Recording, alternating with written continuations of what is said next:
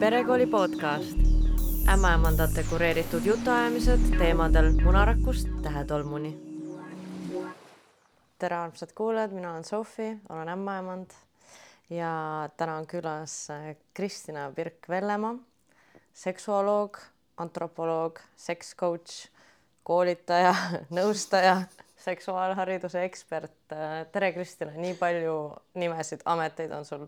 tere, on küll aga nad kõik võiks kokku võtta või mulle õudselt meeldib kasutada sellist terminit nagu seksuaaljõustaja, aga noh, kuna ta ei ole niisugune ära sisustatud asi tegelikult, et siis inimesed ei saa aru, millest me räägime, kui me räägime seksuaaljõustamisest, see on niisugune empowering äh, nii-öelda tegevus. jah, see ei ole selline ametlik ametinimetus. ei et... ole jah äh,. seksoloog, antropoloog ja sertifitseeritud ja sex coach, need on sellised nii-öelda Äh, ameti ametinimetused vist, mida ma kõige rohkem praegu kasutan ja noh, sellest seksoloogi äh, tiitlist ja tegevuse sisust, sellest ju tuleneb väga palju see, see, seda ja sellest, mida ma äh, ka hariduses teen.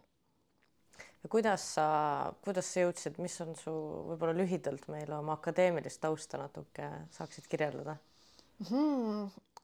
ma jõudsin seksuaalharidusse, kõigepealt seksuaalharidusse läbi noorsootöö et ma õppisin noorsootööd.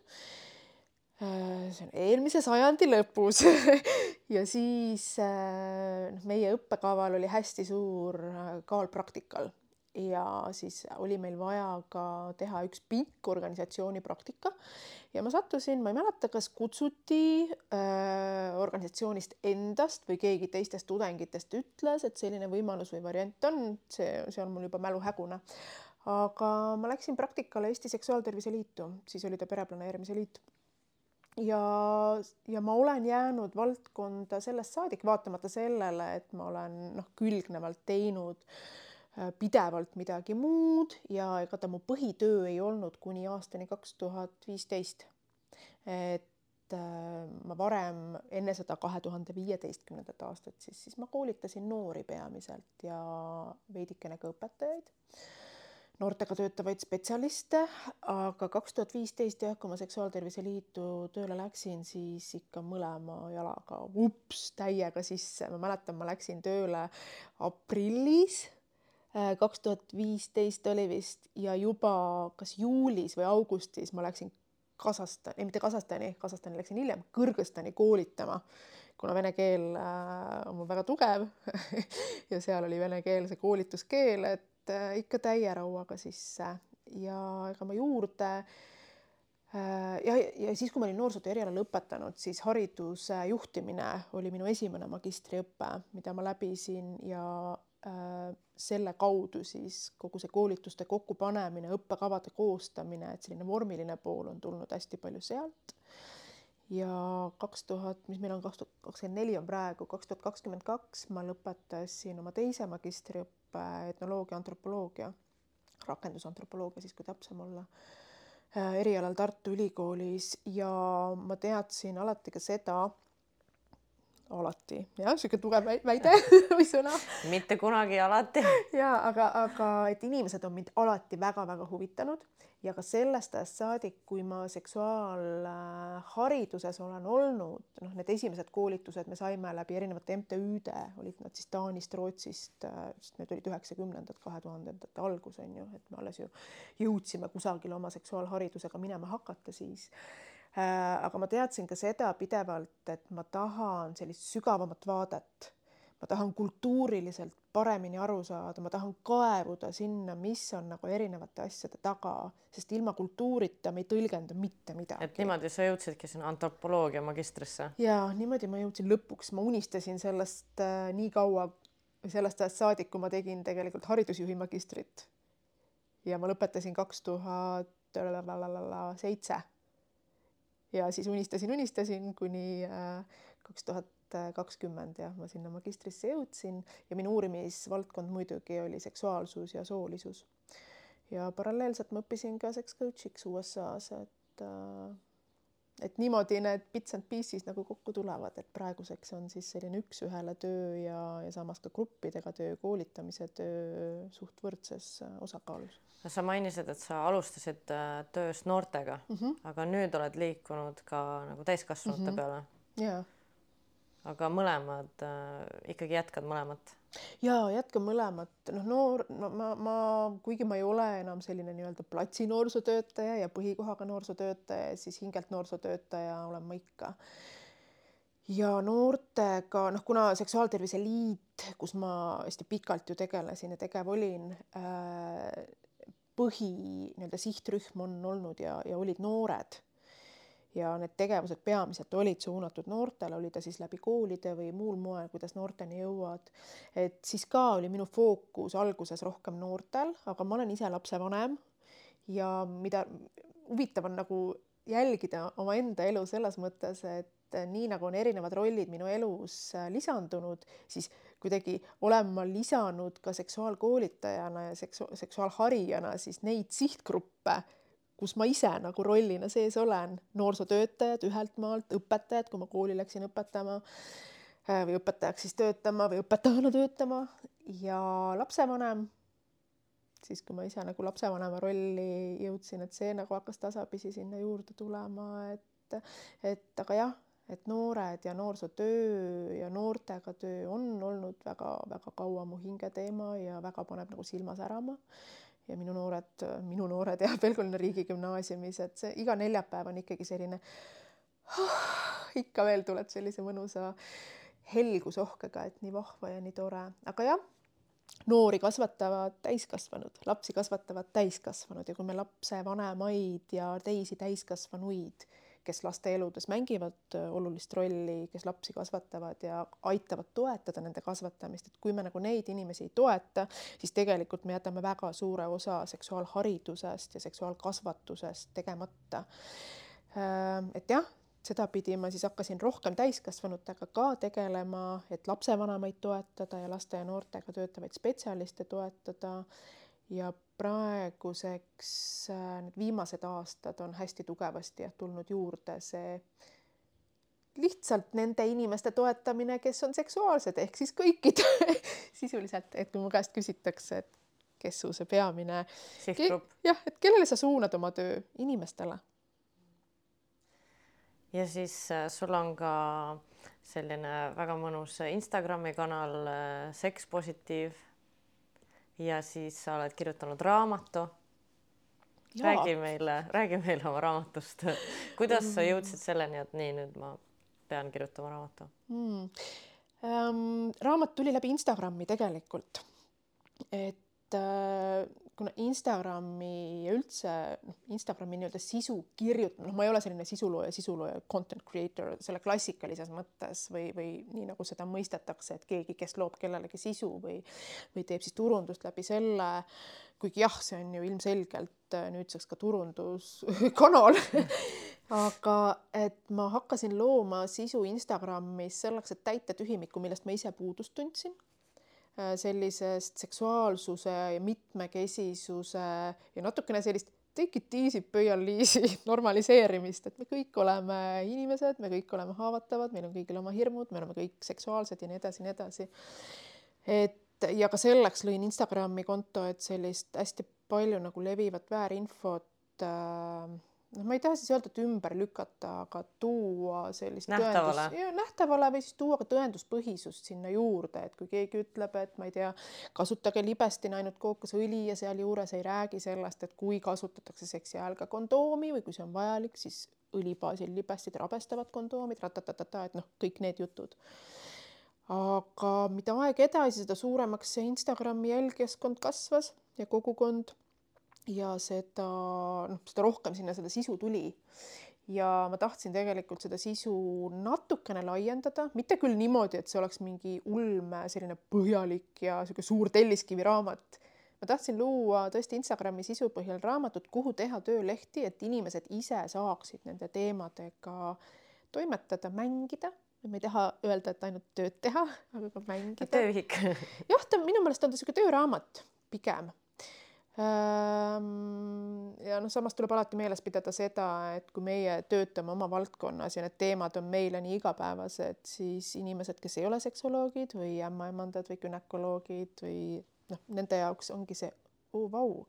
Ja see on täiega okei. Okay.. et jah, sellepärast ma selle raamatu kirjutasin ähm, noh, mis kirjutasin, ma ütlen, et see, see, see, see pro-, protsess nägi välja selline, et ma võtsin need Instagramis kõige enam äh, puudutavad ja kõige enam tagasisidet saanud teemad ja avasin nad äh, seal raamatus, et päris palju kattub Instagramiga, aga ma sain seal avada natuke pikemalt, mingeid teemasid natukene juurde tuua, et see Instagrami vorm ikkagi ta on noh, päris piirav. pluss ka see, et sa võid sealt saada seksuaalkoolitajana keelu kui sa kasutad sõnu nagu orgasm või seks või et see on siis meie seksuaalkultuur. kas sa oled saanud äh, Instagrami keelu? mina õnneks ei ole, ma ei tea, kuidas mul on niimoodi õnneks läinud, aga minu kolleegidest päris mitmed on saanud selle ka eesti keeles, kusjuures toimetades ja noh, sõna orgasm on eesti keeles, inglise keeles samamoodi. pandud Instagrami vangi, nagu öeldakse. just, et mõned on, et mul õnneks ei, ei ole seda noh, nibin-nabin juhtunud ja praegu on mul ka see nii-öelda sinine tärnike sealjuures, et ühesõnaga ma maksan Instagramile, Metale selle eest, et nad ei bänniks mu ülikallist kontot vot ja siis äh, päris mitu kirjastust äh, pöördusid minu poole kaks tuhat kakskümmend kolm kevadel, talvel, kevadel, ütleme siis varakevadel. ja üks nendest kirjastustest, nende nägemus kattus päris palju nagu minu omaga, Helios kirjastus ja siin see raamat nüüd siis on. tegite ära? tegime ära jah, niisuguse väikese mõnusa tööraamatu ja ta on hästi palju saanud positiivset tagasisidet mis on päris tore, on see, et hästi mitmed naised ütlevad, et oh, see on, ma ei tea, väheseid raamatuid, mida mu mees on nagu viitsinud lugeda või et mu mees vaatab, et mina loen seda raamatut ja nüüd on tahtnud ise ka seda lugeda või sellega tegeleda nende töölehtedega, et et see on tore, noh, on ka neid inimesi, kes ütlevad, et oo ma tahaks palju pikemalt lugeda ja palju põhjalikumalt. See on täiesti arusaadav, et see raamat ei olegi noh, et siin ei olegi see, et päris kõik on see sihtgrupp, kellele ta täpselt niimoodi ja sellisena sobib aga ega ta ei ole viimane raamat. on veel mõtteid sul? jaa, meil tegelikult, kui ma ütlen meil, siis jah, ma kohe selgitan, mis see meie on, ei ole mitte ainult mõtteid, vaid on leping. täitsa juba sõlmitud menukirjastusega ja mina ja minu hästi armsad sõbrad ja kolleegid Mari Jääabel, kes on siis naistearst ja ähm, Annika Tamme, kes on kliiniline seksoloog ja, ja psühholoogia doktorant ja seksuaalterapeut.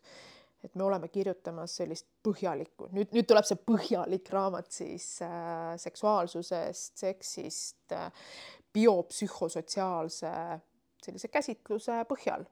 mis on see bioloogiline, mida teeb meie keha, milline on meie füüsiline tervis, kas mingid ravimid mõjutavad, ma ei tea, geenid ja nii edasi ja nii edasi. psühholoogiline, mis on siis see, kuidas me mõtleme, mida me tunneme, kuidas me reageerime, millised meie suhted on ja kultuuriline või siis sotsiokultuuriline ehk see, kuidas me seksuaalsust ja seksi näeme, millised hoiakud, uskumused, arvamused meil sellega seotud on ja ega emotsioonid on puhtalt ka, mitte puhtalt, see on niisugune jälle nõme parasiitsõna mul puhtalt, puhtalt, emotsioonid on ju kultuurilised. Et see, kuidas mingisugusele asjale reageerime näiteks siin meie ja kuidas me hakkab siin jälle see antropoloogi silm läheb särama, et kuidas mingit tunnet kirjeldame meie, tõlgendame ja tähendusi omistame sellele tundele meie, ei tähenda seda, et see on universaalne, et see tunne ei ole samamoodi tõlgendatav, tunnetatav, väljenduv kusagil mingis teises kultuuris, kus tal üldse võib-olla ei ole sedasama tähendust, noh, ma ei tea, sõna häbi näiteks. et meil ta on niisugune hästi laetud ja tugev sõna ja põhjusega. aga mõnes teises kultuuris äh, noh, ta on väga oluline niisugune võib-olla ühiskonna toimimise osa, et äh, huvitav. Ja no ma olen ka päris palju reisinud ja tihti ka üksinda siis üksina naisena reisida mhm. kuskil mm. Aasias on päris põnev ja, või ka Mehhikos. et täiesti noh, ma sain kohe aru, et okei okay,, et see, mis mina arvan, on üks asi, aga mind on ainult üks ja hindusid on miljard, on ju, et mm, -hmm. et ma võin kohe kõik äh, nagu ära unustada, mis mina arvan mm -hmm. ja pean nagu siin nende reeglite järgi tantsima, et aga mingis mõttes mul oli ka nagu kahju, et me ei saanud üksteisest aru aga noh, see on juba selline hoopis mingi suurem teema, mis mm -hmm. ma ei tea, kas see sajand veel lahenebki mm. -hmm. et, et see on äh, hea point. ja siis sul on ka podcast tead, on, aga selle podcast'iga on selline häda. Esiteks muidugi ta on olnud juba mõned kuud jälle pausil, iga kord ma ütlen, ah järgmine osa tuleb, ma ei tea, kiiremini kui eelmine, ma teen seda praegu nüüd üksinda, et esimene hooaeg oli mul selline, kus mul olid külalised ja kui sul on aeg kokku lepitud, siis sa teed selle saate ära. ja nagu mina. Ja, aga mingid noh, kui nüüd teine hooaeg, siis ma hakkasin või alguses olid äh, ikkagi veel külalised ja siis ühelt poolt ma hakkasin nagu tegema või mõtlesin, et ma teen siis katsetan üksinda.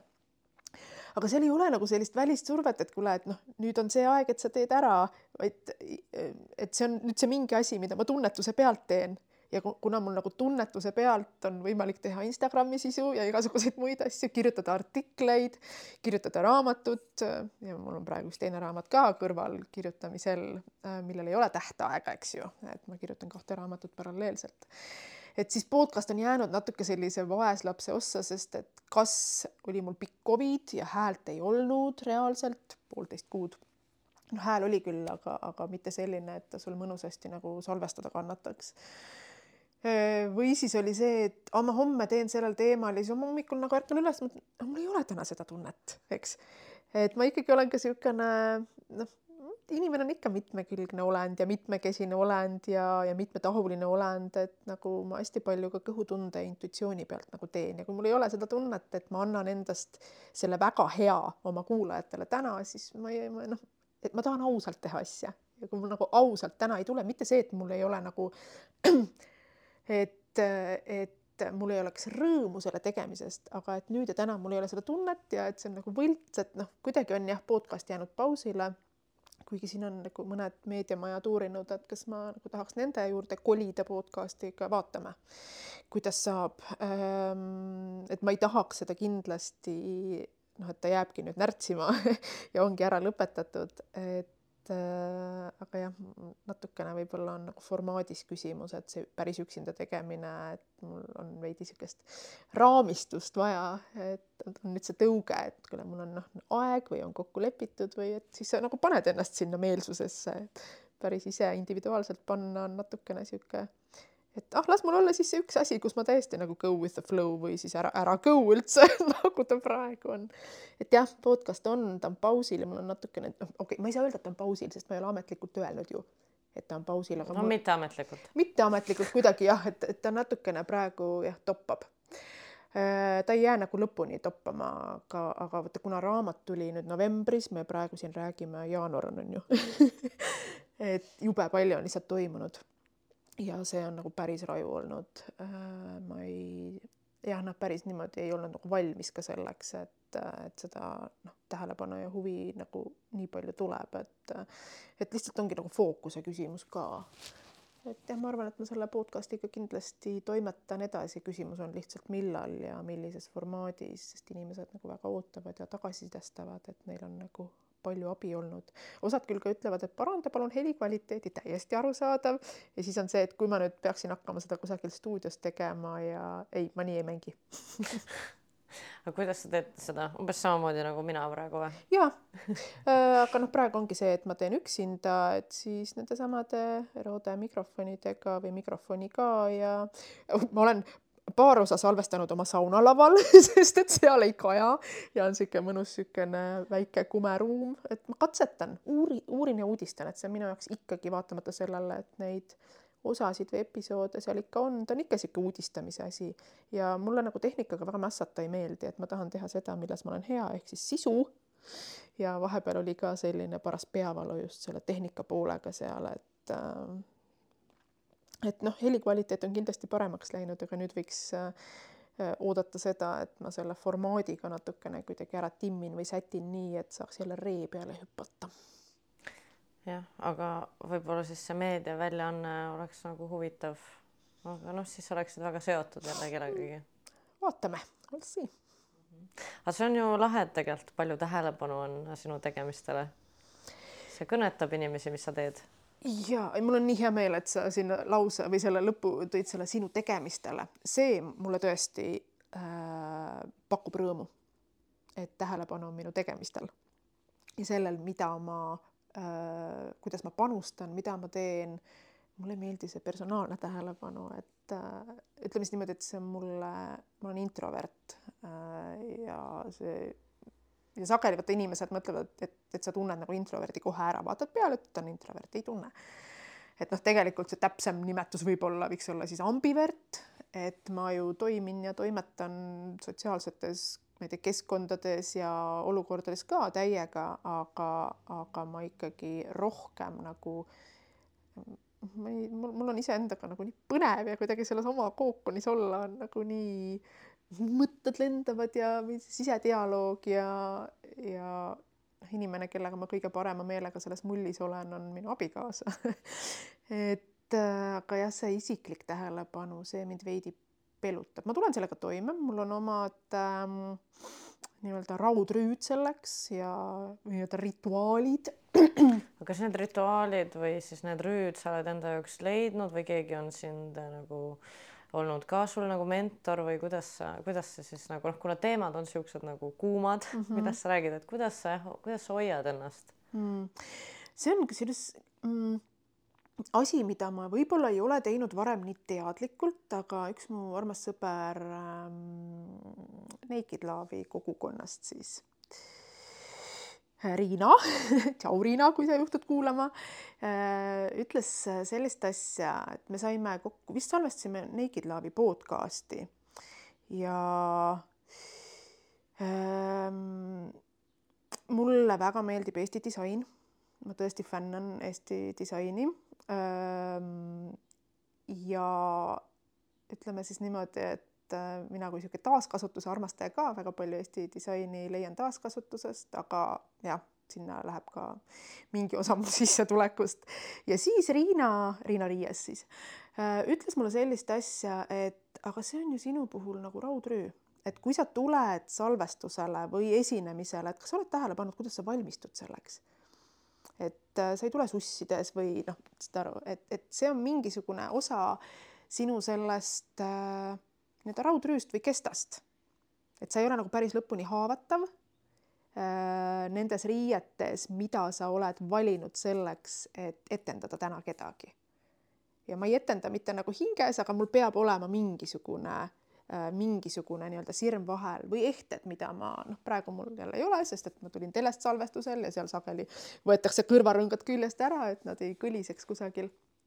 aga et ehted, mida ma igapäevaselt ei kanna eriti, et ainult abielusõrmust.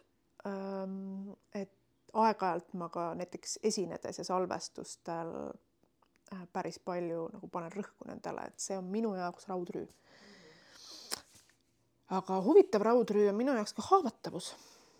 kui sa ise teed ennast juba haavatavaks ja see on ka võib-olla niisugune noh, jälle võime siin tagasi minna lapsepõlve ja nii edasi nii edasi, aga kui sa ise nagu ei karda olla haavatav ja kui sa oled, ma nüüd räägin iseendast, onju, et kui ma olen olnud millalgi inimene, kes väga on kartnud teiste inimeste hinnangut ja seda, et aa, nad naeravad su üle või mida iganes. kui sa ise oled juba haavatav, siis nad ei saa sulle enam mitte midagi teha.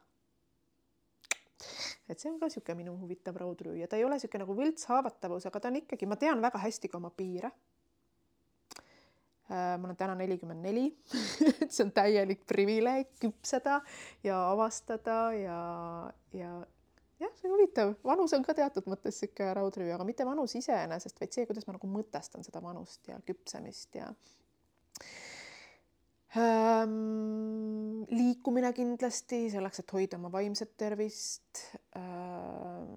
aga ka teraapia, ma käin igakuiselt psühhoteraapias ja noh, supervisioon siis meie nii-öelda eriala või inimesi aitavatel inimestel, ma arvan, et on ka oluline, sest et äh, on keerulisi case'e, keerulisi juhtumeid ka coaching us, nõustamisel või noh, coaching us ja nõustamisel siis. et see on ka kindlasti üks viis nii-öelda ennast toetada ja toime tulla ja ma ei võta iseennast liiga tõsiselt, ma võtan tõsiselt oma tööd ja seda, mida ma inimestele annan ja seda toetamist, aga ma ei võta iseennast üleliia tõsiselt. armas mõte. Aga sellest äh, sex coach'i õppest äh, tahaks ka võib-olla natukene teada, et kas see oli nagu sinu jaoks ähm, noh, hästi nagu loogiline või oli see üllatav, see koolitus või kui pikk see oli? Ja kellele sa üldse, kellele sa soovitaksid seda mm? -hmm ma arvan seda, et selleks, et seks, vähemalt selle õppekava järgi, mille järgi mina õppisin, see on äh,, jumal äh,, Sexual Health Alliance, ühesõnaga USA-s ja need on äh, selleks, et äh, need organisatsioonid näiteks USA-s, äh, kes koolitavad siis kas seksuaalkoolitajaid, seksuaalterapeute või seksterapeute või sekscoach'e, selleks, et nad saaksid anda sellise sertifikaadi, peavad nende õppekavad olema akrediteeritud, on selline organisatsioon nagu AASECT, mis on nii-öelda Äh, katusorganisatsioon, mis siis akrediteerib neid õppekavasid ja kinnitab, et nende õppekavade põhjal õppinud spetsialistid on siis läbinud nii-öelda kvaliteetse õppe. et kõigepealt võiks muidugi seda tausta vaadata, äh, mis äh, või kas see organisatsioon, kes siis coach'e näiteks USA-s koolitab, kas tal on EASECT-i poolt siis akrediteeritud õppekava. Aga ma arvan ka seda puhtalt oma kogemusele tuginedes, no seksoloogiks nagunii kasvatakse, seksoloogiks ei hakata. Et see ei ole päris nii, et ma kaks kuud õpin või kolm kuud õpin ja olen valmis seksoloog, et äh, et see on nagunii selline pikem teekond ja noh, sex coach ei olegi, ei võrdugi seksoloog tegelikult, muidugi termin seksoloog, ta on nagu nii äh, Äh, kuidagi kultuuri ja koha spetsiifiline, et erinevates riikides tähendab see erinevaid asju, et äh, mõnedes riikides äh, pannakse rõhku akadeemilisele uurimistööle, et kui sa akadeemiliselt ei toimeta, ei kirjuta mingeid artikleid, ei uuri teemat, et noh, siis see loog seal taga väga ei, ei, ei lenda nagu. Ja samas on kultuure, kus kus seksoloogiks võib ennast äh, nimetada või siis peetakse kõiki inimesi, kes toetavad inimesi seksuaaltervise kaudu või seksuaaltervise valdkonnas siis ähm,. kui pikk see õppekava oli, see on oh,, mina ja numbrid, nii kehva nii,, nii-nii kehva ähm,. natukene on see ka selles mõttes lappes, et kuna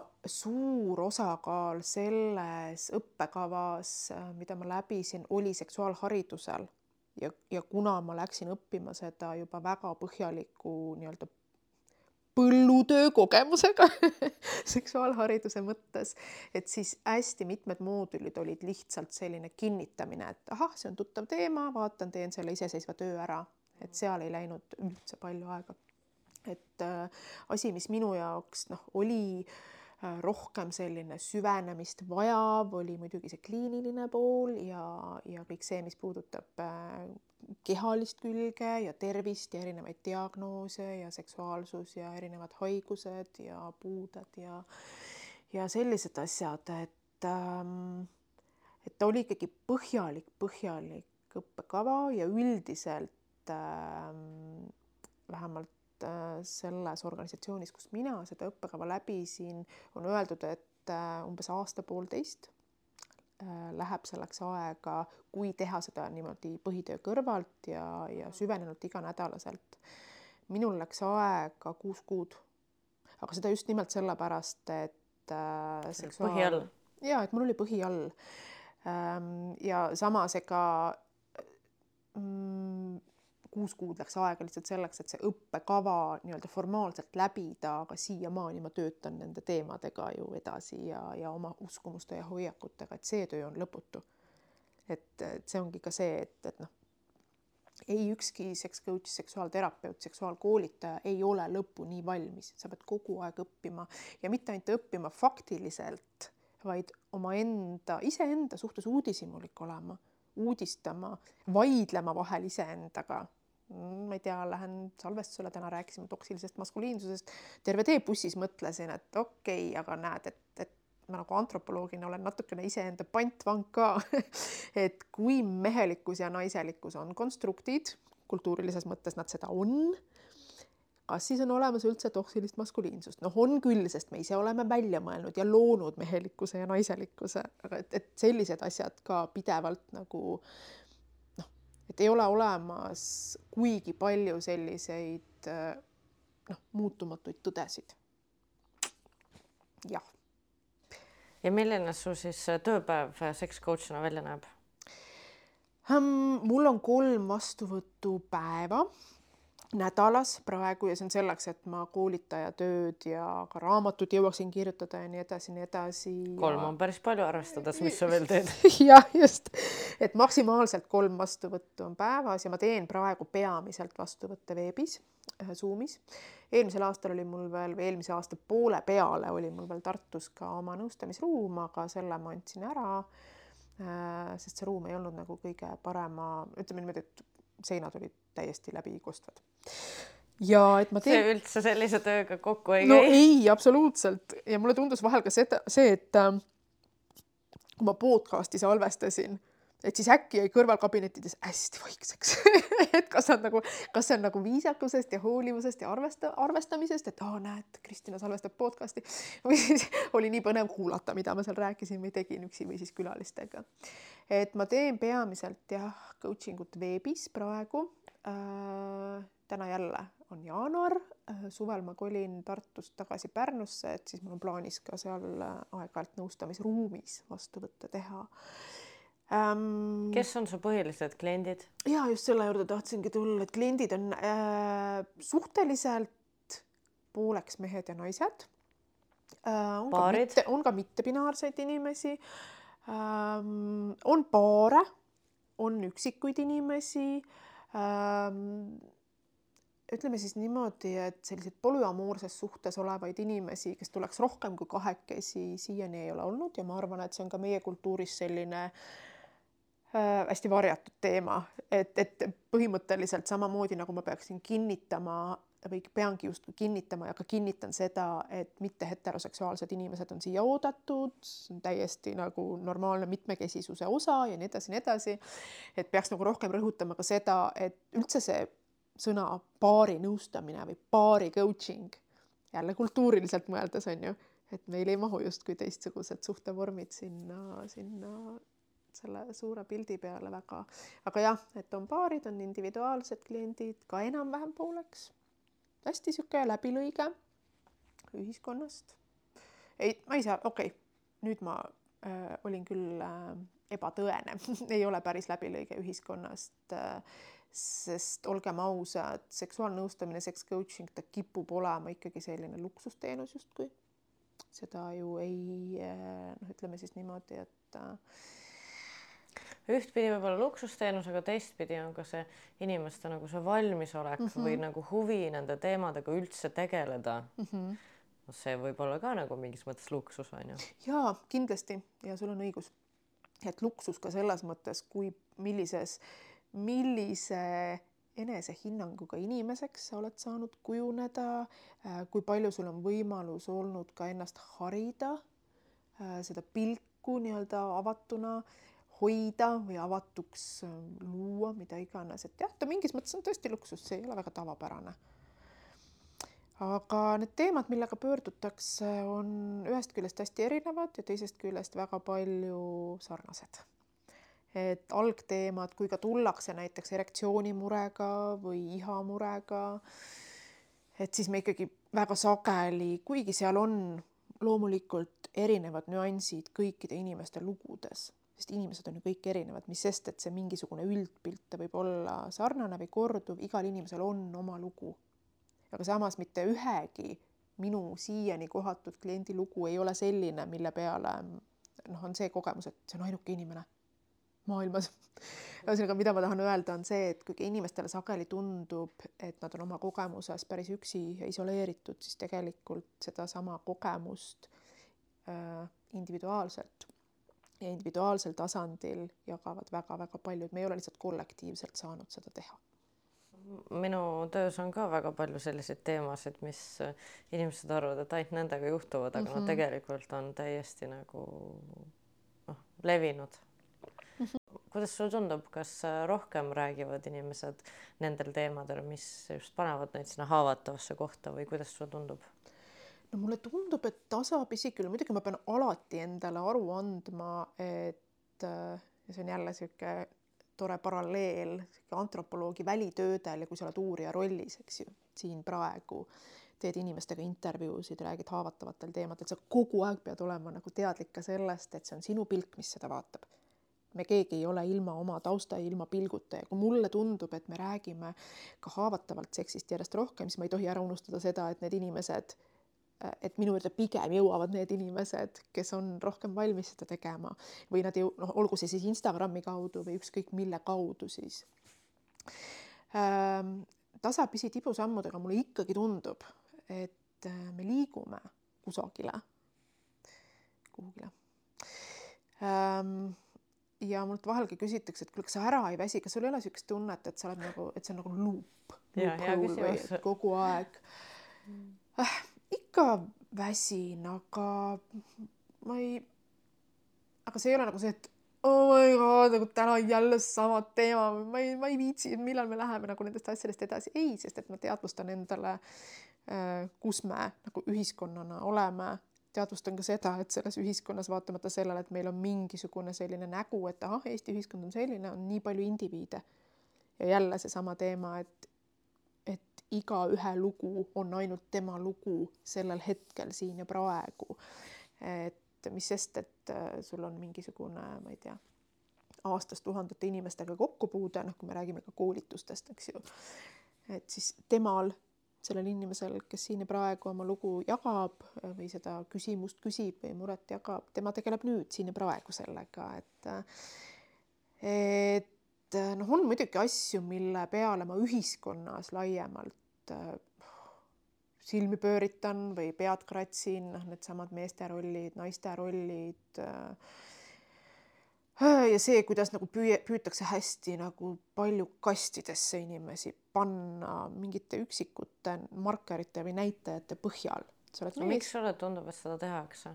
tead, ma arvan, et see on turvaline või, või mida mulle endale tundub, et mida keerulisemaks ja pingelisemaks nagu elu meie ümber läheb ja mil, mida keerulisemas elus me ise oleme, seda rohkem me võib-olla inimestena tahame mingisugust lihtsust mingites asjades.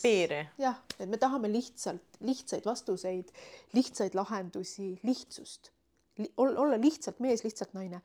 I m sorry, mul on teile halb uudis et see on nii erinev iga inimese jaoks ja see, mida sina ütled, et on lihtne kellegi teise mees või naine olla, ei mahu üldse nendesse lihtsatesse piiridesse ja raamidesse, et, et tegelikult ähm, mm, on nii tore, kui inimesed on lihtsalt nemad ise ja, ja elavad oma elu oma tõekspidamiste järgi. asi läheb lappama seal, kus äh, kedagi lahterdatakse õigeks või valeks, sellepärast et sa ei ole selline naine või sa ei ole selline mees nagu nendes lihtsates kastides olema peaks, et, et ja seal on see, see koht, kus minu selline õiglustunne saab väga-väga nagu pihta. Ja võitlusvaim läheb jälle nii et vahet pole, on see luup oleme jälle siin, kui on vaja, räägime jälle mm. -hmm.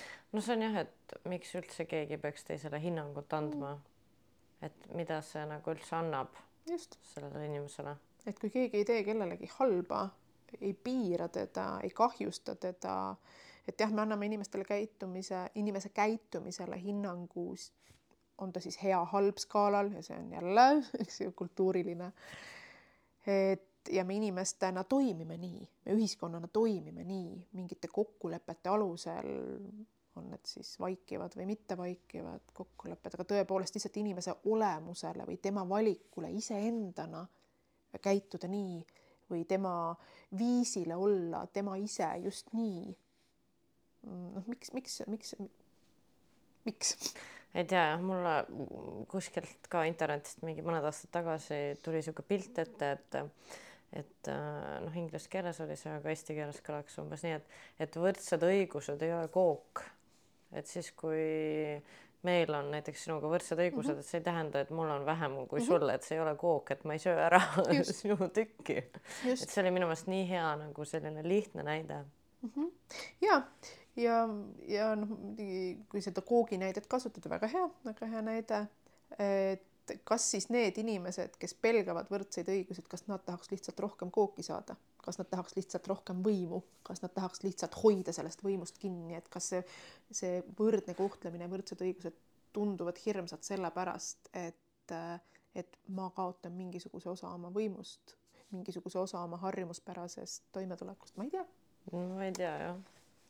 On ikka siuksed keerulisemad mm -hmm. teemad rääkisid siis meestest ja naistest, et võib-olla siis äh, lähekski lapsevanemate teema peale, et seal on ka ju noh, emad-isad või kaks ema või kaks isa või vahet ei ole, lapsevanemad mm. -hmm. et äh, milliste murede ja rõõmudega nemad sinu poole pöörduvad ja kas pöörduvad?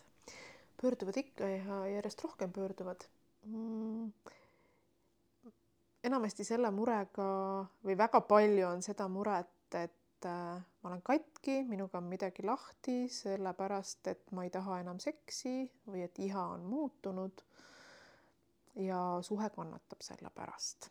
või siis on ka selline mure, et meie suhe on väga lähedane, väga tore, väga hoidev, ma tahaksin seda iha kogeda ja siin äh, võib olla see mure ihaga olenemata inimese soost. jah paraku statistiliselt on äh, rohkem naisi nende seas, kelle nii-öelda iha äh, muutumine Muutub. tekitab rohkem sellist tuska, aga jälle siin on hästi palju sellist kultuurilist sigri-migri uskumusi, psühholoogiat, kõike seda sees. aga kõige rohkem jah, pöördutakse no lihtsustatult öeldes sellise küsimusega, kuidas uuesti sädet leida aga vahel on ka see, et otseselt ei pöörduta selle küsimusega, vaid äh, jagatakse rahulolematust oma suhtega, seksuaaleluga, sest et noh, ma ei, ei jõusta, ei nõusta ainult konkreetselt seksi teemal äh,. sellepärast, et see on suhte osa, kui ta on suhte osa.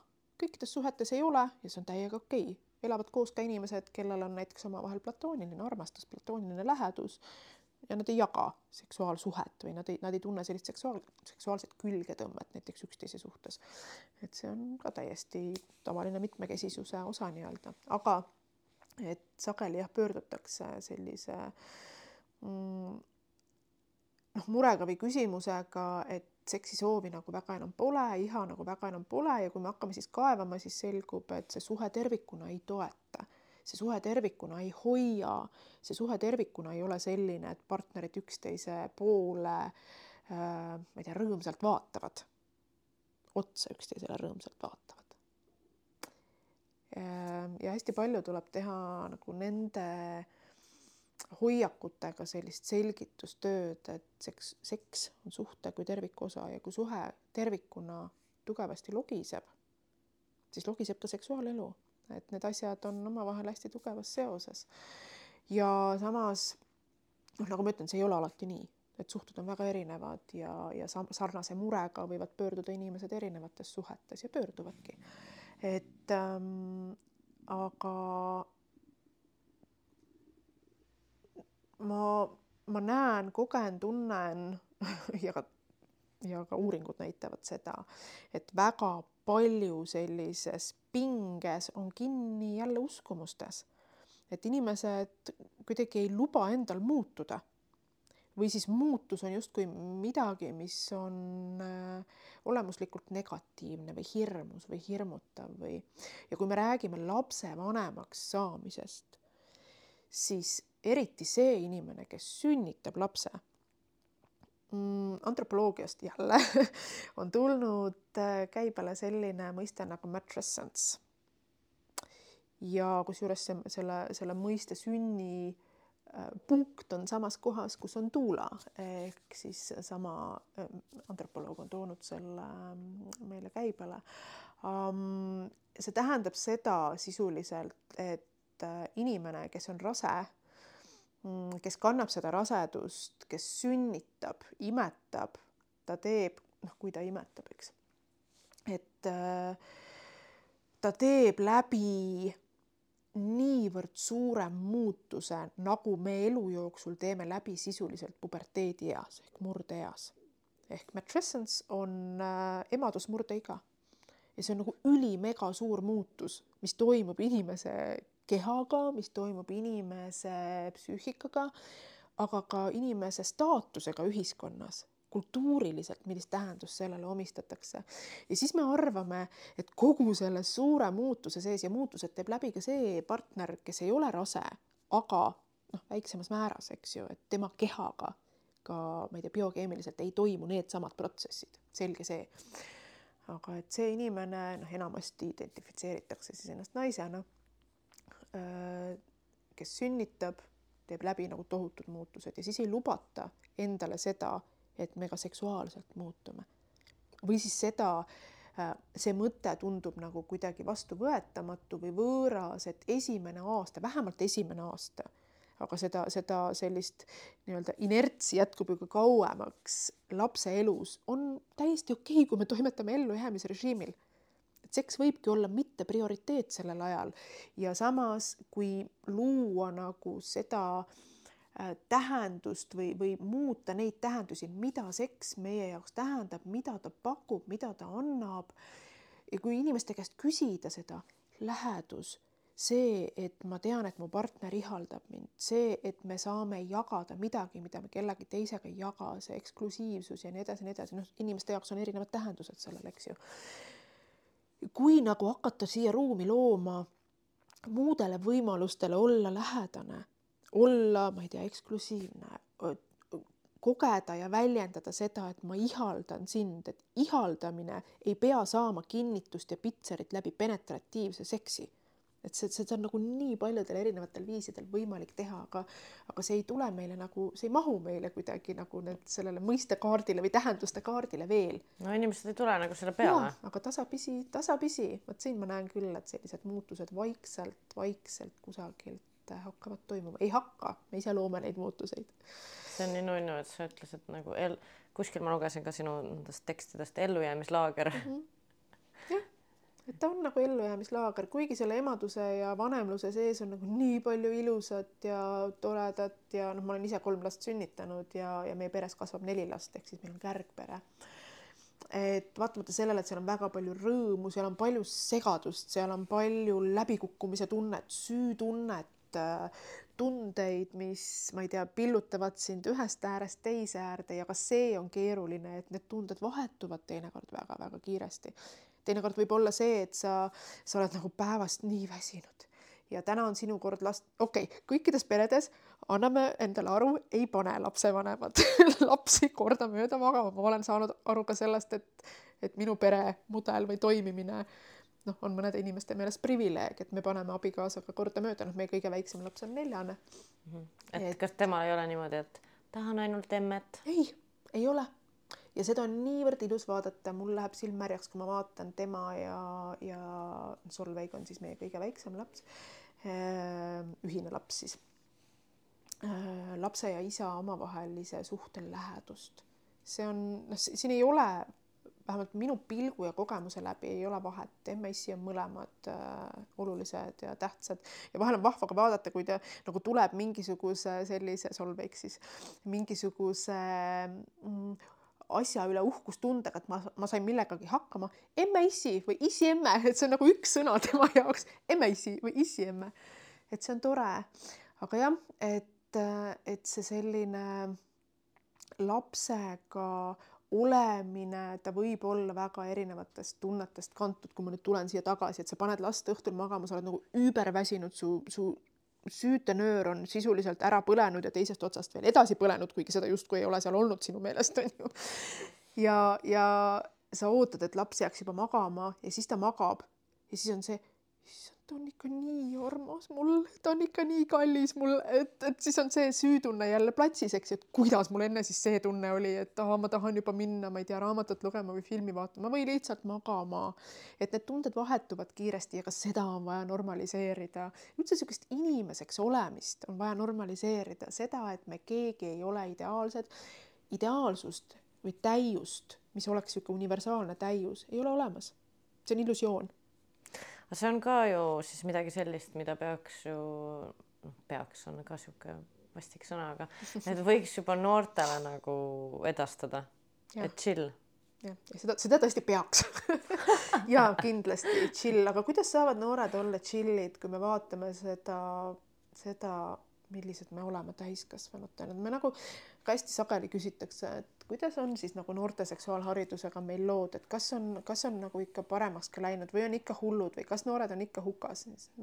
ja ma võin noortest rääkida muidugi, see on see küsimus on ju, mida küsitakse sageli, aga vaatame palun endale otsa, vaatame täiskasvanutena endale otsa, kas me oleme tšillid mm,? mitte väga. kas me, ma ei tea, austame teisi inimesi enda kõrval, kas me arvestame, kas me mm, austame teiste inimeste piire, kas me lubame teistel olla sellised, nagu nad ise on ja nii edasi ja nii edasi, et ja siis me ootame noortelt, et nad tulevad sellest haridussüsteemi ja ma ei tea, peresüsteemi hammasrataste vahelt välja ja siis on sellised inimesed, nagu ideaalis nad võiksid olla. nagu ma ütlen noortele sageli ja kui sa oled noor ja kuulad seda, siis ütlen sulle ka. Palun vabandust, et me oleme ühiskonda endiselt ära käkkimas ja palun vabandust, et te peate sellises ühiskonnas elama. nii, nii armas nii äh, tore, meil on sihuke seinast seina natuke see vestlus, aga mul tahaks veel ikka sinna lapsevanemluse mm -hmm. juurde korra tagasi minna ja mul on tegelikult üks väga konkreetne küsimus, mis, äh, mida üle üle väga tihti ei arutleta mm, -hmm. aga mis on ka sihuke kultuuriline. et mis sina arvad, kas äh, ja kuidas mõjutab äh, mehi ja meeste seksuaalsust see, et nad näevad oma naist sünnitamas? see on nii seinast seina. on, on ju? see on nii seinast seina ja mehed annavad ka nii erinevaid vastuseid selle, selle peale ja sellel teemal. aga oled sa kedagi kohanud, kellel on see kuidagi sellise mingi suure, ma ei tea, jälje jätnud, et see on midagi? olen ikka vähemalt nad usuvad, et see on neile suure jälje jätnud, nad usuvad, et see on neile suure jälje jätnud ja kui hakata seda nii-öelda lahti haakima ja, ja ümber kodeerima, siis on võimalik seda täiesti muuta, jälle tähendused, eks ju. ja olen kohanud inimesi ja kusjuures minu meesklientidest, kel, kes on partnersuhtes äh, naistega, kui see on siis selline case ja kellel on lapsed, enamus nendest räägib seda, väidab seda, et pärast laste sündimist on nende partner nende jaoks veel seksikam, veel erutavam. Äh, on see siis enesekindlus või mingisugune läheduse selline uus nüanss või, või, või, või on ta, on ta ka mingisugune selline, et ma vaatan oma partnerit tegelemas meie lastega, noh, mis iganes nüansid sealjuures on ja see ei käi ainult sedapidi, et mees vaatab naist tegelemas, ka naised sageli räägivad seda, et, et et, et see selline äh, lähedus ja oma partneri ihaldamine äh, sageli sisaldab ka seda komponenti, et ma vaatan, kui turvaline partner ta on ka mulle kui lapsevanemale mm. -hmm. et ja see ei ole selline, et aa, ma seksuaalselt väga-väga ihaldan nüüd ja sellel hetkel praegu teda, et läheme kohe seksima ja mõnel on ka niimoodi, et noh, need tunded tulevad meil nii nagu erinevatest kohtadest ja need reaktsioonid aga et ma oma töös kohtan tõepoolest rohkem neid mehi, kes ütlevad seda, et esiteks, et nad ei vahetaks seda sünnituse juures olemise kogemust mitte millegi vastu.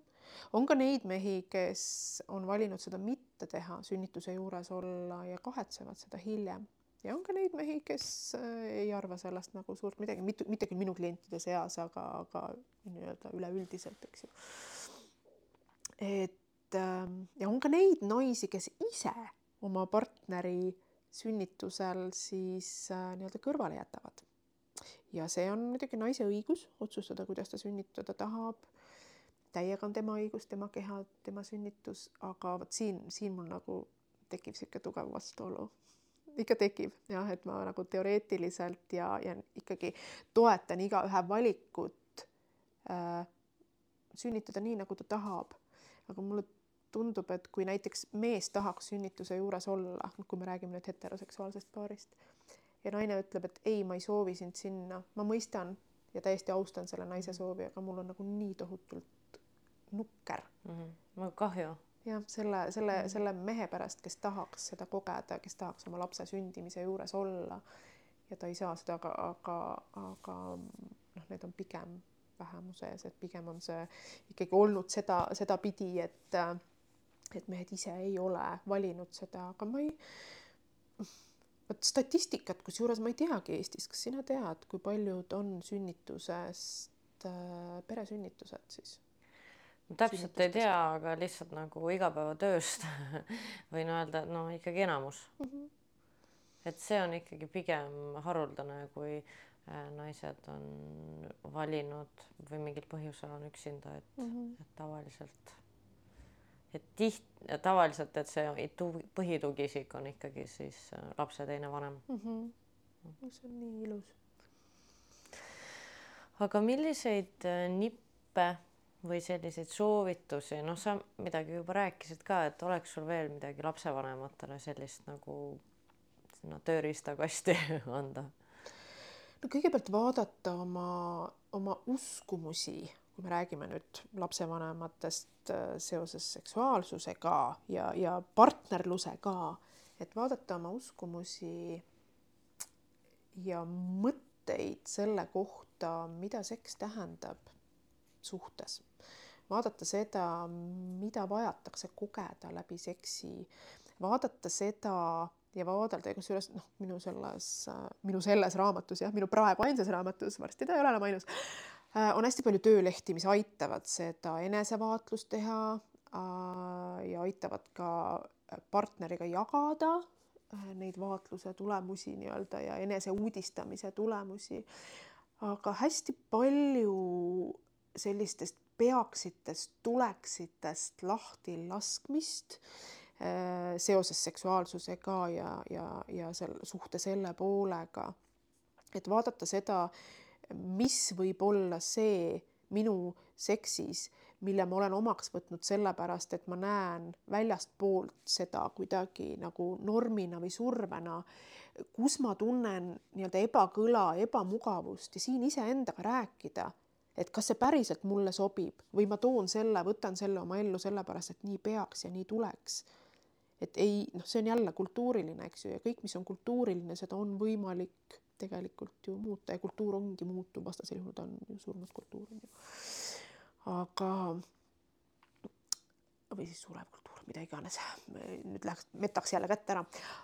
Aga, aga sellist suhtlust kindlasti iseendaga, suhtlust oma partneriga ja kui öeldakse, et aga kui me seksist räägime, et siis ju kaob selle võlu ja salapära ära, no jälle see on, see on uskumus ja hoiak ja, ja mis sellest võlust ja salapärast siis kasu on, kui ma tegelikult olen hädas omadega, kui ma ei tea ise, mida ma tahan, mida ma eelistan, kui ma ei saa oma partneriga sellest rääkida.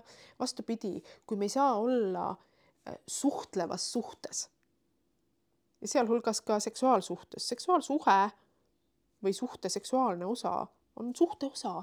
me lihtsalt ise mõtleme selle kuidagi eriti selliseks teistmoodi müstiliseks, mingisuguseks kuidagi looritatud. jah, tal on omad tähendused inimeste jaoks ja need kogemused ja, ja kuna seksiga sageli on seotud orgasm ja kuna orgasm kogemuslikult on selline noh, lõõgastab, vabastab, mida iganes, aga sinna juurde ehitatakse väga palju juurde. sest et orgasmi kirjeldada nii, et inimene lõpuni aru saab, on väga keeruline, et ja vot see on ka see asi, mida on nagu keeruline ka teaduses või tõenduspõhisuses, kus tuleb teaduse selline piir ette, kõike ei ole võimalik äh, kuidagi nagu universaalselt ära kirjeldada, on alati inimkogemus, mida sa ei saa võrrelda lõpuni teise inimese kogemusega. et aga jah, et kuna sealjuures on hästi palju sellist mitterääkimist, vaikimist, et siis tundub jah, et seksist rääkimine äh, kuidagi nagu murrab selle seksi, ma ei tea, erilisuse, ei murra, katsetage päriselt ka. mida ütlevad uuringud ja mida näitab ka minu kogemus seks coach'ina on see, et need inimesed, kes ütlevad, et äh, me naudime seksi ja naudime seksuaalelu ja meil on hea seks. Nad räägivad. Nad räägivad omavahel. Nad suhtlevad, nad jagavad, nad julgevad olla haavatavad. Nad ei eelda lihtsalt, aga, aga ka see, et nad loovad oma seksi ise. ehk siis nad tasapisi või siis mõned marulisemalt nagu haagivad ennast lahti sellest ühiskonna pildist, nendest seksiskriptidest, kuidas seks peaks käima ja nad loovad oma seksi käsikirjad või loovad oma seksi ise. Öeldes lahti siis või, või mõtestades lahti selle mehe roll, naise roll, ma ei tea, mees peaks nii, naine peaks naa või ka selle, et seks üldse heteroseksuaalne nähtus peaks olema või toimub ainult kahe inimese vahel.